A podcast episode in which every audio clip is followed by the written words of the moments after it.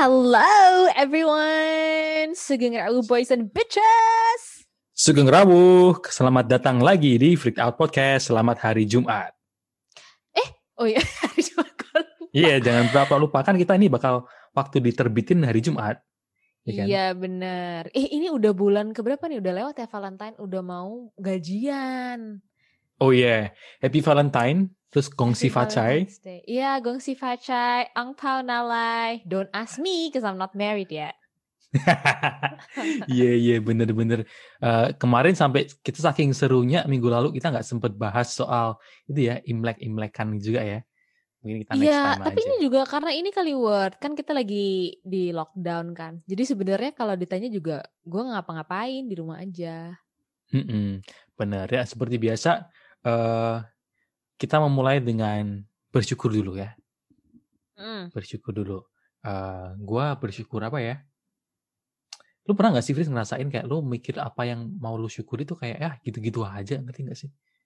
Terus kayak merasa kayak meh ngerti gak sih? Enggak juga. Soalnya ini kebetulan banget ya karena kan kita mulai yang bersyukur-bersyukur ini kan karena podcast ini ya sebenarnya. Iya maksudnya gue dari kemarin ya bersyukur cuma saya tidak ada kayak oh keharusan nih apa sih yang dilihat yang tiga hal yang bisa bersyukur itu tuh sebenarnya lo yang kenalin gitu kan Ha-ha. terus setelah gue hipnoterapi itu salah satu PR gue adalah nulis ini tiga oh, yeah. things that you're grateful about every single day dan gue nggak boleh skip and the thing is kadang-kadang kita itu lupa kalau hal-hal terkecil sekalipun adalah sebenarnya hal yang patut disyukuri tapi kadang-kadang hmm. kita lupa karena for us you know, it's just another thing. It's just, you know, having limbs, for example. Yo, Tapi kan sebenarnya itu adalah hal yang bisa disyukuri gitu. Iya, dan itu yang gue rasakan sekarang sih. Oke, oh, oke. Okay. Kita ke mindset positif ya. Gue bersyukur hari hmm. ini gue bangunnya pagian. Gue beberapa hari ini udah berusaha uh, bangunnya lebih pagi, jadi bisa mulai kerja tuh lebih pagi. Jadi uh, bisa nge-covernya tuh lebih banyak. Wah, produktif sekali ya. Terus yeah. terus apa lagi nih? Itu sih dan meskipun gue rada kayak ah ah gitu tapi gue berhasil bangun akhirnya. Kayak gue bangun dua jam lebih awal gitu dua jam that's that's a major change. So sekarang lo tidur jam berapa? Jam sepuluh? Gue kayak sekarang jam sebelasan gitu kayak gue udah kayak mati-matiin. Udah di kemarin kayak gue lampu udah pada mati gue cuma nyalain podcast. Bener-bener gue nggak nonton TV kan gue tuh demenan nonton Netflix ya Hmm. Jadi kalau nonton Netflix tuh sampai sering lupa sampai gue ketiduran, ngerti gak sih? Oh, yang Netflixnya nonton lo tidur. Iya, Netflixnya tanya, are you still watching ini gitu, ngerti gak sih? eh, gitu. ini kalau lo lagi suka bangun pagi, coba deh workout tapi yang pagi. Itu bener-bener ya kalau habis lo workout mandi tuh seger banget, like you probably don't even need a coffee. Gitu ya, coba ya. Gue tuh yeah. soalnya sukanya bangun pagi karena apa? Karena di saat itu gue bisa mulai kerjaan yang yang tim gue belum ada bangun yang lain juga. Jadi kayak gue bisa konsen ke kerjaan gue ngerti gak sih? Gitu. kalau gue sih similar reason. Karena gue orangnya nggak suka kalau setelah jam 6 tuh disuruh kerja ya kan? Jadi yeah. kalau selesai workout jam 9 mandi-mandi segala macam setengah 10 itu pun sebenarnya like consider still pretty early. Ah uh, iya. Eh lo apa? Lo apa yang lo syukurin? Uh, hari ini gue coba masak uh, masakan yang biasa nyokap gue bikin waktu gue kecil, like spaghetti marinara. Wah, Terus... masa kecil lo fancy ya? masa kecil gue nyokap gue masak orak arik gitu kan, cakangkung gitu kan. nggak nyokap gue, dia nyokap gue ter, nggak terlalu bisa masak, jadi masaknya quite limited gitu ya. Dan hari hmm. ini gue cobain uh, bikin meatball, meatball marinara pasta gitu, dan mencoba untuk tidak beli saus yang kalengan bener-bener dari ah, tomat beneran uh, from scratch and it turns out pretty good and enjoy likes it so happy tummy happy Frieza gitu oh iya eh bener ya tapi kalau nyokap nyokap gue kan dulu tuh nggak terlalu masak karena yang makan hmm. yang masak nenek gue kan hmm. tapi pasti ada signature makanan dia yang gue suka banget kan? dia tuh bisa masak ribs ya terus pakai sausnya kayak saus uh, barbecue gitu tapi Chinese style gitu. Gue namanya apa ya? Lupa deh pokoknya enak banget deh. Oke tapi selesai. Kita hari ini mau ngomongin topik lagi-lagi nggak jauh-jauh dari bersyukur ya Fris ya. Mm-hmm. tadi kan kita ngomongin uh, hal-hal kecil itu kita sering lupa. Nah kita mau ngomongin kalau kadang-kadang orang di sekitar kita itu sering kita ya anggap sebelah mata kayak take it for granted gitu loh. Mm-hmm. kita mau bilang mau bicara hari ini soal angels around us. Around us atau among us ya I think um, around us kali ya. around us ya kali uh, ya. Karena kan karena kan ini kita lagi ngomongin orang-orang yang berimpact besar di sekitar kita. Cuman gimana kalau gini deh? Karena kalau kita ngomongin angel around us ini kan biasanya orang-orang yang kita kenal sangat deket. Gimana kalau kita nggak boleh uh, memilih misalnya uh, keluarga? Karena kan keluarga ya, I mean uh, obviously right. Iya, um, iya. Atau kita berdua nih, gue nggak bisa ngomong lo, lo juga gak bisa ngomong gue. Oh oke. Okay. Oke. Okay? Pede so banget lo, Ri. pede banget. Eh bukan gue pede, maksudnya awalnya gue pengen ngasih tahu kalau lo tuh one of them gitu, but since yeah. you know. In the arms of the angel. Oke, okay, okay. gimana rulesnya? Bisa, okay, bisa, bisa. Sip. Siapa dulu? Cap, cip, cup. Belalang kuncup kita sweet. Satu, sweet Jepang ya? Satu, dua, tiga. Ya, satu, dua, tiga. Satu, dua, tiga. Dua, tiga. Kok samaan terus lo tiga? Oke, okay, lo duluan. oh, yang menang gua. Kita nggak set rule yang kalah yang duluan apa yang menang yang duluan. Gue digocekin sama si Friza. Uh, Oke, okay. uh, gue yang pertama kali kayak gue ngomong Angels Around Us ya, itu gue inget pertama kali datang ke Malaysia. Pertama kali datang ke Malaysia itu apa namanya? Kan gue bener-bener nggak tahu siapa-siapa kan. Dan itu secara random kayak bonyok gue tuh terus ingat bokap gue ada temen kuliahnya dia tuh ternyata sudah menetap di Malaysia sekarang.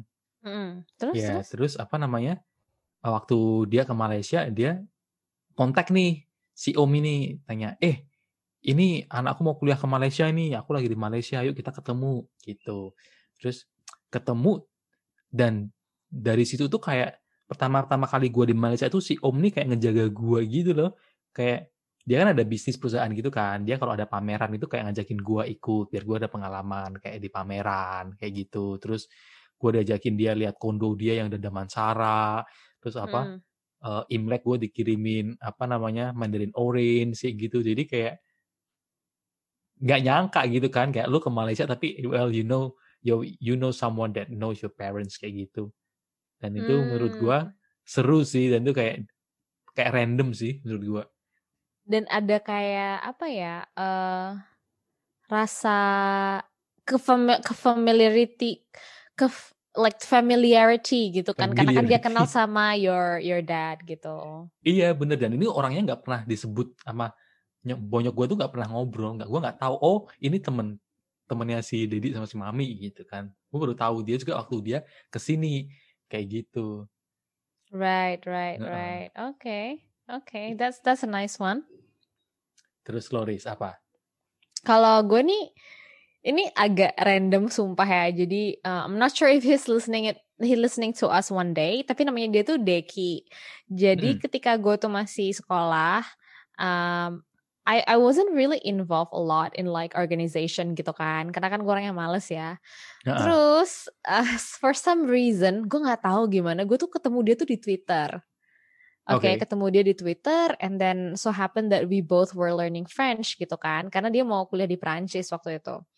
And in the end, I moved to the Netherlands. Dia udah pindah ke, I think dia tuh sekolah di Lyon or or Marseille gitu ya. I couldn't remember. Tapi waktu waktu kita kuliah itu, actually I told him, gue bilang kayak, eh, hey, I'm going to Paris gitu. Terus hmm. dia bilang ini, eh sekalian aja gue juga nih minggu ini mau ke Paris juga gitu lo tidur aja di tempat kita gitu. Dan maksudnya kan waktu tuh student ya gue jadi kan gue ngerasa kayak oh, lumayan nih gue gitu kan gak bayar paling bayar misalnya beliin groceries atau apa. And uh, I thought I personally thought it was his place gitu. Gue pergi ke sana sama mantan pacar gue kan. Terus nyampe di sana itu ternyata itu tuh bukan rumah dia gitu ya, ya terus Zong banget kan, gua, yang gue kira itu rumah dia ternyata bukan rumah dia dan itu ternyata rumah satu uh, rumah kayak tiga orang eh, empat orang cewek Indonesia yang tinggal di situ gitu. Oh ya, yeah, oke okay, oke. Okay. Uh, uh, dan dia itu kebetulan memang lagi di Paris dan tidur di situ gitu. Dan gue nggak enak dong, gue maksudnya gue kan nggak kenal sama bener, dia bener. rumah ya kan. Gue kenalnya sama dia doang gitu. Can you imagine like, oh hey Friza, uh, ini siapa? Oh, oh gue temennya Deki gitu. Terus tiba-tiba ikut tidur di situ juga gitu kan. And not even friend friend gitu kan. Exactly. Dan itu tuh pertama kali gue sebenarnya ketemu dia in real life you know. Dan the most awkward part is that karena gue sama mantan pacar gue yang orang Malaysia. And you know everyone oh. was Indonesian. It was just like so uncomfortable. Tapi memang ya, I think um, I would say the whole gang yang waktu itu gue yang nemenin gue sama mantan gue di sana itu emang they really are angels gitu. Karena gue itu di rumah itu ternyata bukan cuma gue doang yang tidur di situ. Jadi ada kayak empat orang lain yang tinggal di situ juga oh, nebeng. yeah. iya karena gue kira gue sama si mantan gue doang kan. Ternyata digel apa di goler gitu kan kasurnya di ruang TV dan kebetulan memang rumahnya itu kayak tingkat dua jadi yang cewek-cewek tuh pada tidur tidur di atas semua rame-rame yang cowok-cowok tidur di bawah gitu kan. Dan itu tuh bener-bener yang kayak apa ya kayak karantina Asia's Next Top Model gitu bener-bener yang kamar mandinya cuma ada satu orangnya rame-rame gitu ya. And and they never ever like kita tuh mungkin juga kan tahu diri ya maksudnya nggak uh -huh. yang aneh-aneh gitu ya. Jadi uh, they were so nice they went above and beyond to the point that mereka itu kayak nemenin gue cari uh, apa namanya cari uh, buffet makanan Jepang all you can eat oh. makan sama oh. gue terus nganterin gue ke Katakom salah satu tempat wisata di sana terus nganterin uh. gue muter-muter Sungai Sen gitu which to be honest I wasn't expecting that like gue ngira, gue ngiranya tuh kayak ya udah lu host doang and then gue akan pergi sama mantan gue enggak like they actually make sure I know how to get around you know and and they were so nice. Jadi like i think for me the first set of angels that i know was around me was those people.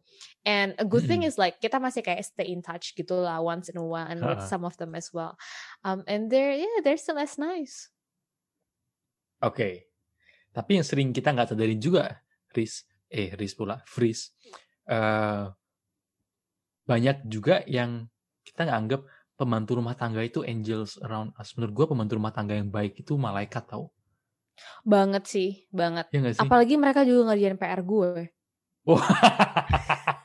Eh beneran, eh lu tanya nyokap gue ya kalau dia ke sini. Beneran, Word.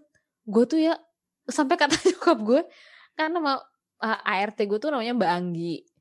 Terus hmm. sampai kata nyokap gue, ini Anggi nih pinter ya, bisa bikin PR gitu. Maksudnya, lu kelas berapa tapi? Itu gue kelas SMP kayaknya. Hmm. Jadi umurnya memang nggak beda jauh kan. Mm -mm. Jadi dia bantuin gue, terus tiba-tiba dia harus berhenti dan akhirnya dia pindah ke Hong Kong. Nah dia pindah oh, ke Hong Kong. Klasik ya, dia mencari kehidupan yang lebih baik ke Hong Kong. Uh, uh, terus dia pindah yeah. bahasa Inggris jadinya. Mungkin, well, I mean, oh. you know, work apa working towards my homework itu mungkin one of the way she also learned how to speak English. Mungkin menurut terus, dia lo, lo, lo malaikat kecilnya dia ya. Terus dia pindah ke Hong Kong and then she actually has an Instagram and we're we also still in touch. Like we DM each other, we comment at each other post gitu. Oh iya, iya lucu banget. Gue ada sih mm -hmm. kemarin ada yang uh, asisten rumah tangga gue, uh, dia ada di Facebook. Terus gimana caranya dia nge-add gue? Terus sempet ngobrol gitu dan itu zaman gue kecil kan. Dan waktu gua kecil pun dia tuh masih kayak baru hitungan 18 tahunan gitu loh. Hmm, Jadi masih hmm. remaja gitu loh. Tuh dia juga orangnya baik, jujur gitu. Misalnya lo naruh duit 200 ribu di meja makan tuh juga udah pasti kalau dia ngelap-ngelap tuh nggak hilang. Kayak hmm, gitu. Hmm. Emang ini sih kalau menurut gue kalau nemu yang pas tuh emang bener-bener enak banget gitu. Bener gak sih? Iya, yang kayak apalagi kalau gue paling deket itu apa membantu gue waktu gue kecil kan. Soalnya kan nyokap gue kan nama bokap gue kerja gitu kan. Jadi ya sehari-hari gue mau membantu gitu kan. Sama nah, sama. Tos banget. jadi main badminton terus ngerokin got gue ikut ngerokin got nyiram nyiram tanaman. Wow. Sampai yang kadang-kadang lo anak kecil kan permintaannya aneh-aneh ya. Kayak oh aku mau makan rambutan tapi harus dikupasin dari bijinya terus nggak mau kena kulit kulit kayunya ya gitu. Terus dikupasin gitu pakai pisau kecil gitu kan dikletekin anggur. Mau makan anggur tapi nggak mau kulitnya. Terus tahu ngupasin oh kulit anggur susahnya kayak apa tahu kan? Iya. Wah lu ini ya macam Prince of Bel Air gitu ya? Nah gua kan waktu kecil emang makannya susah gitu kan. Terus makan iya makan jeruk tuh nggak mau tuh Riz. Ada uh, ada kulitnya. Ngerti nggak sih? Jadi ya gue juga nggak mau. Word kalau makan jeruk pakai eh, kulit. eh, enggak enggak bukan kulitnya yang luarnya. Kulit dalamnya itu kan ada lapisan oh yang putih serat-serat gitu ya? terus gue mesti dikupasin. Mah gue maunya papnya doang gitu loh. Wow. Eh, gitu. Eh ngomongin soal ART gue ada cerita lucu nih. Jadi uh, kalau di Batam itu kan like it's pretty diverse gitu ya. Like ada orang dari Jakarta dan segala macam segala macam suku tuh ada di Batam. So happen uh, salah satu ART kita itu dari Flores. Di Batam tuh banyak orang Flores. Uh-uh. dan dia tuh like sumpah kocak banget. Namanya Brigita. Wih namanya keren banget ya. Siap go international. International banget. Jadi namanya itu Brigita Bunga Mawar ya. Kita panggil kita panggil itu Mbak Gita ya. Dan uh. dia kerja ya Senin sampai Sabtu terus Minggu dia keluar untuk ke gereja ketemu keluarganya hmm. gitu. Suatu ketika uh, diajarin bikin jadi kalau di di rumah itu kan ada ingat gak sih kalau di Indo ada roti tawar tapi yang warna hijau yang pandan? Oh iya iya. Kayak ada kan? itu di Batam deh itu kayak pengaruh dari oh di Batam doang ya, ya? Gua iya, mungkin ya, gue jadi... gua yang nggak menangin sih kayak gue yang nggak ngalamin sih. Tapi tapi terus oh terus jadi dia itu kan ini waktu tuh gue kelas 6 SD kali ya yang suka nonton Lizzie McGuire terus undang teman-teman ke rumah latihan dance ini gitu gitu kan. Terus banyak nih rame kan teman-teman gue dateng. Terus dia bilang oh kak itu teman-temannya mau minum apa? Gitu kan. Terus hmm. gue bilang oh mau apa mau apa es teh manis es teh manis. Terus ada uh, mbak itu ya uh, tolong bikinin es teh manis. Gitu kan. Oh es teh manisnya pakai es kak ya iya pakai es kan es teh manis gue bilang gitu. Oh iya juga ya katanya gitu. Terus itu lucu banget tuh pokoknya. Dia itu kayak polos tapi lucu aja gitu kocak aja. Terus ah. kalau misalnya dia gue minta tolong bikin roti bakar jadi dia tuh unik banget. Daripada rotinya itu dipotong-potong pakai pisau dia tuh guntingnya tuh pakai gunting. Oh, kenapa gitu? Gue juga nggak ngerti kenapa terus gue bilang, Mbak itu kenapa gunting apa motongnya kok pakai gunting? Oh apa? Dia ngomongnya apa ya? Oh, nggak apa-apa, su terlanjur gitu. Oh ya udah, gue bilang gitu. Tapi baik banget dan dan gue juga menyadari ya waktu gue tinggal di Batam itu sebenarnya banyak banget kayak our gardener gitu atau um, you know people that work around our house itu kan ada beberapa orang Flores ya and they're actually like one of like not one like um some of the nicest people that I've ever met. Ih bener, gue jadi inget apa namanya uh, karyawannya bokap gue tuh ada kemarin nggak lama ini dia meninggal. Uh, meninggal namanya uh, Pak Tris. Pak Tris ini udah tua lah istilahnya itu udah juga udah umur pensiun, tapi dia pensiun di rumah aja dia malah kayak kerenggi gitu. Akhirnya sama buka buaya udah lu datang aja kerja bantu-bantu aja gitu nggak apa. Jadi dulu kalau pas nggak ada uh, kayak orang yang jemput gua, misalnya mobilnya lagi pada dipakai ngirim ini, ngirim barang, ngirim itu, dia yang jemput gua naik motor. Kayak gitu. Terus yang pernah sampai sekarang gua inget banget dan itu gua cerita ke nyokap bokap gua tuh mereka sampai kayak terngiang-ngiang banget tuh gara-gara uh, pulang sekolah tuh jam makan siang. Terus gue ditraktir makan bakso sama dia. Dan tuh nggak tahu kenapa tuh bener-bener kayak mengena gitu loh ke gue kayak ih gila ya. Kayak lo kan sebenarnya kayak sebenarnya kerja sama bokap gue bokap iya gitu kan. Apa namanya? Dan like dia tuh he actually cares about iya. you sincerely gitu. Iya dan dia tuh nggak minta kayak uangnya oh pak tadi saya beliin anak bapak makan gitu ya. Gitu enggak dan Wah. itu bener yang sampai sekarang sampai sampai gue inget sih. Dan uh, kemarin dia meninggal tuh gue dengar ceritanya sedih juga sih. Tapi emang udah, udah umurnya dan juga banyak sakitnya gitu gitu kan kayak hal-hal kecil kayak gitu kan yang bener-bener sebenarnya they are angels kan hmm, kayak banget, gitu banget banget yang especially dijajanin. like banyak kayak orang yang melakukan hal kayak gitu tuh mungkin kadang-kadang kita ngerasanya tuh atau nyadarnya tuh kayak years after that gitu. Mm -mm. Mm -mm. Kan? Bener. Kayak waktu gua kecil di diajak makan bakso tuh kayak ya udah biasa aja. Cuma gue ingetnya banget kenapa? Karena itu bakso pertama yang terbesar yang pernah gua makan yang bakso beranak itu loh, Fris. Oh, gak oh, sih? Oh, yang dalamnya ada telurnya itu apa? Dalamnya tuh ada telurnya. Jadi kayak hmm, itu enak itu banget. Kayak, itu gua kaget dan kayak wah ada ya makanan kayak gini ya. Kayak gitu. itu kan makanan kayak gitu kan yang nemu-nemu kalau di pinggir-pinggir di warung-warung gitu kan, mm, mm. Kalau lo makan ke rumah makan ada bersihan gitu mungkin nggak terlalu nemu kan. Benar, benar, benar. Kayak benar. gitu. My Food Adventure tuh malah sama sebenarnya orang-orang kerja sama bokap gue, gue minta dibeliin es gempol lah, apa yang es es pinggir jalan yang warna-warni gitu, gue minta, papa beliin dong pak gitu. Wah nanti nanti kamu dimarahin, kamu nanti di rumah tapi tetap makan lo. Kalau nggak makan ketahuan kan beli jajan kan. Oh lala. Kayak gitu. Uh, apalagi ya? Tetangga ada nggak? Fris pengalaman tetangga baik. Tetangga ada banget dan ini uh, I am um I think I used to be in touch with him. Jadi kebetulan tetangga pas sebelah rumah gue itu uh, yang kakaknya dia cowok itu sepantaran kakak gue. Hmm. Dia itu adik kelas gue. Dan dia oh. punya adik cewek berapa tahun di bawah gue gitu dan uh, rumah kita tuh bener-bener sebelahan yang kita suka manggil namanya dia Yandi jadi bener-bener yang hmm. Yandi Yandi gitu and we actually go to the same school juga main jadi kalau pas uh, main segala macam kadang-kadang dia main ke rumah gue atau gue main ke rumah dia dan even in the apa ya kalau misalnya pas gue itu nggak punya ART, gue ditipin ke rumah dia main sama Yandi sama adiknya namanya Winda. Oh, gitu. Kirain kalau nggak nggak ada ART si Yandi bantuin bersihin rumah. Enggak lah gila lo. And mereka baik banget, like genuinely genuinely nice the family. Uh, iya, kalau gue juga ada sih pengalaman yang terakhir yang gue ngalamin itu uh, yang setelah gue di sini kan uh, kita pindah rumah. Terus ya itu tangga-tangga di sana juga pada baik-baik nih sampai yang kemarin yang bokap gue jatuh itu kalau nggak ada tetangga gue nggak bisa tuh nggak ada yang nggak ada yang bantuin bawa ke rumah sakit kan soalnya bokap gue jatuh kan gede kan bokap gue kan nyokap gue nggak hmm. mungkin ngangkat dong untungnya ada tangga yang bantuin tangga yang bantuin mm -hmm. oh. dan gue inget waktu kecil waktu zaman SD ya itu ada temen sekolah satu satu kelas gue nih terus kebetulan tuh rumah dia tuh deketan banget sama rumah gue Fris jadi uh, kayak rumah gue ini di gang kecilnya rumah hmm? dia tuh di gang besarnya istilahnya jalan tuh ya uh, lima menit sampai lah kayak gitu.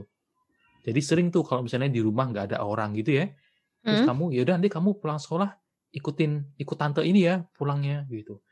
Oh iya dan nggak tahu kenapa tuh gue iya aja gitu loh. Gue mesti tanya sama bonyok dulu deh gimana asal muasalnya kayak mereka bisa kenal dan bisa mempercayakan anaknya ke ke tante ini tante uh, uh. ini.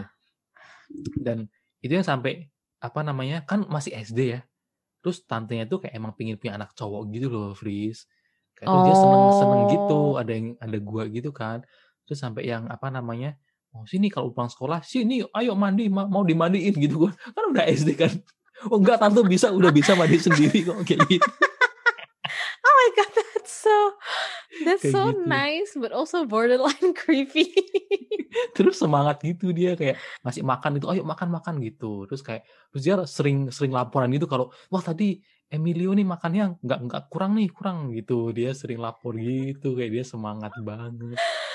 Seru seru uh, seru terus apa namanya kalau udah ada orang gitu sore sore dijemput mbak gua dateng ngejemput. Hmm. eh kenapa? Tapi gue sekarang mikir ya kan ada mbak gua di rumah kenapa lo nggak taruh di rumah aja nah iya konspirasi. Baru tanya, tante kenapa ya waktu itu di TV?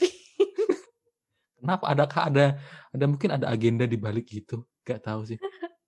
Eh nggak tahu mungkin nggak ada makanan. Eh berarti nyokap gue kayak males banget dong ngasih anaknya disuruh makan sama disuruh makan tempat. di rumah orang.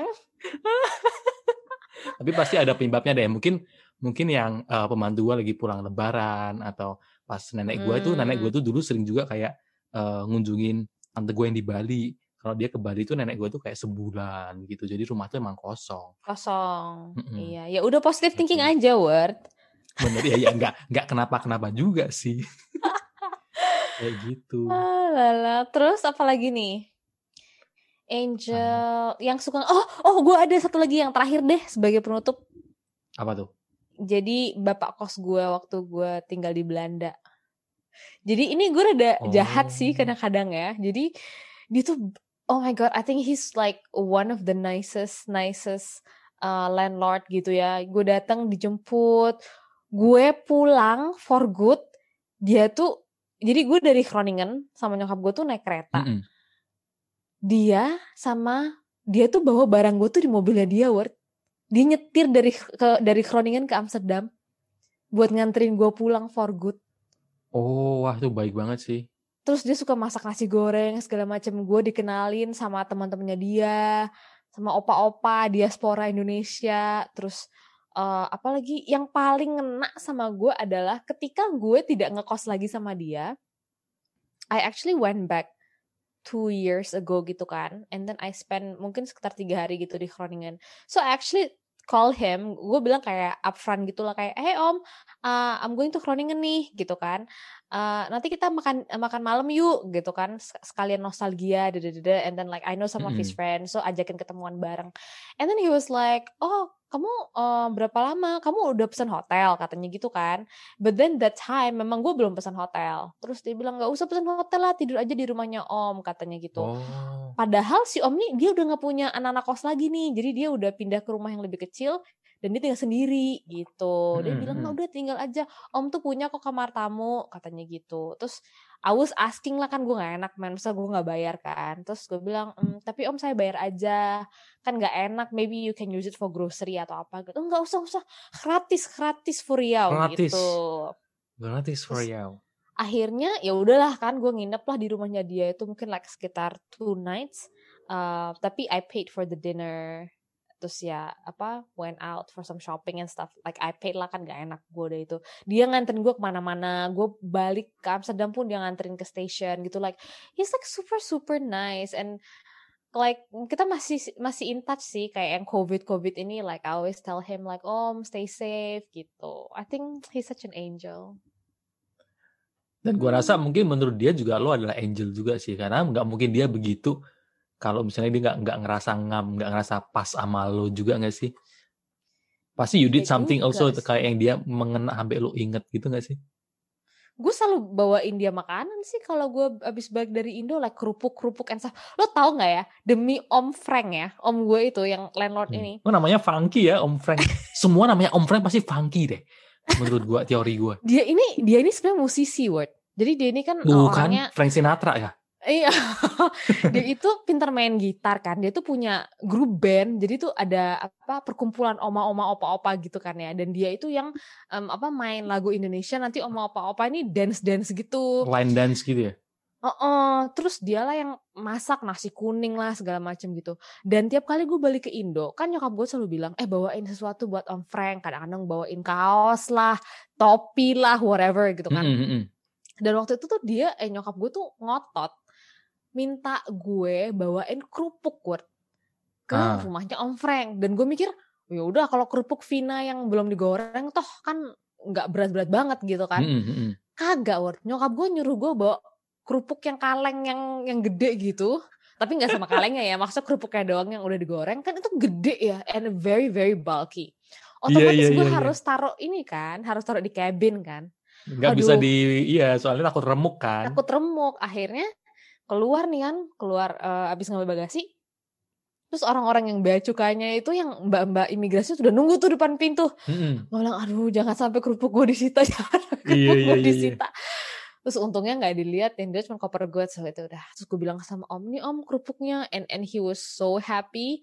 Wah dibuka dipamerin sama teman-temannya word kerupuk gue wah itulah it was the keys to his heart you know the oh. Ya, the keys to a man's heart is through their tummy kan katanya. Their tummy ya kerupuk apa? Keripik tempe, kerupuk bawang segala macem. But yeah, yeah maybe that's why though. Di kerupuk bawang enak sih. Yang warna-warni itu kan. Kalau nggak kerupuk yang itu loh, kerupuk buat soto yang gede itu di Malaysia agak susah carinya ya. Kerupuk, kerupuk yang kayak jaring-jaring kayak lo makan kerupuk itu loh. Oh iya iya iya namanya apa sih namanya itu? Kerupuk At apa ya? Atau itu kerupuk, kerupuk bawang. Mm -mm. Mungkin kali ya udah. Gitu aja kali ya. Mm-mm. Aduh seneng actually it it does really give me like a good atmosphere talking about nice people around us. So kalian banyak, atau yang udah pernah dibaikin nih ya sama orang-orang, please pay it forward. Sometimes it's not always the best to like pay it backwards. Misalnya ya kalau orangnya masih ada nggak apa-apa. Tapi kalau misalnya mm-hmm. tidak memungkinkan lagi seperti kasus gue sama Om Frank, ya apa yang gue bisa lakukan adalah pay it forward to somebody else that need my help.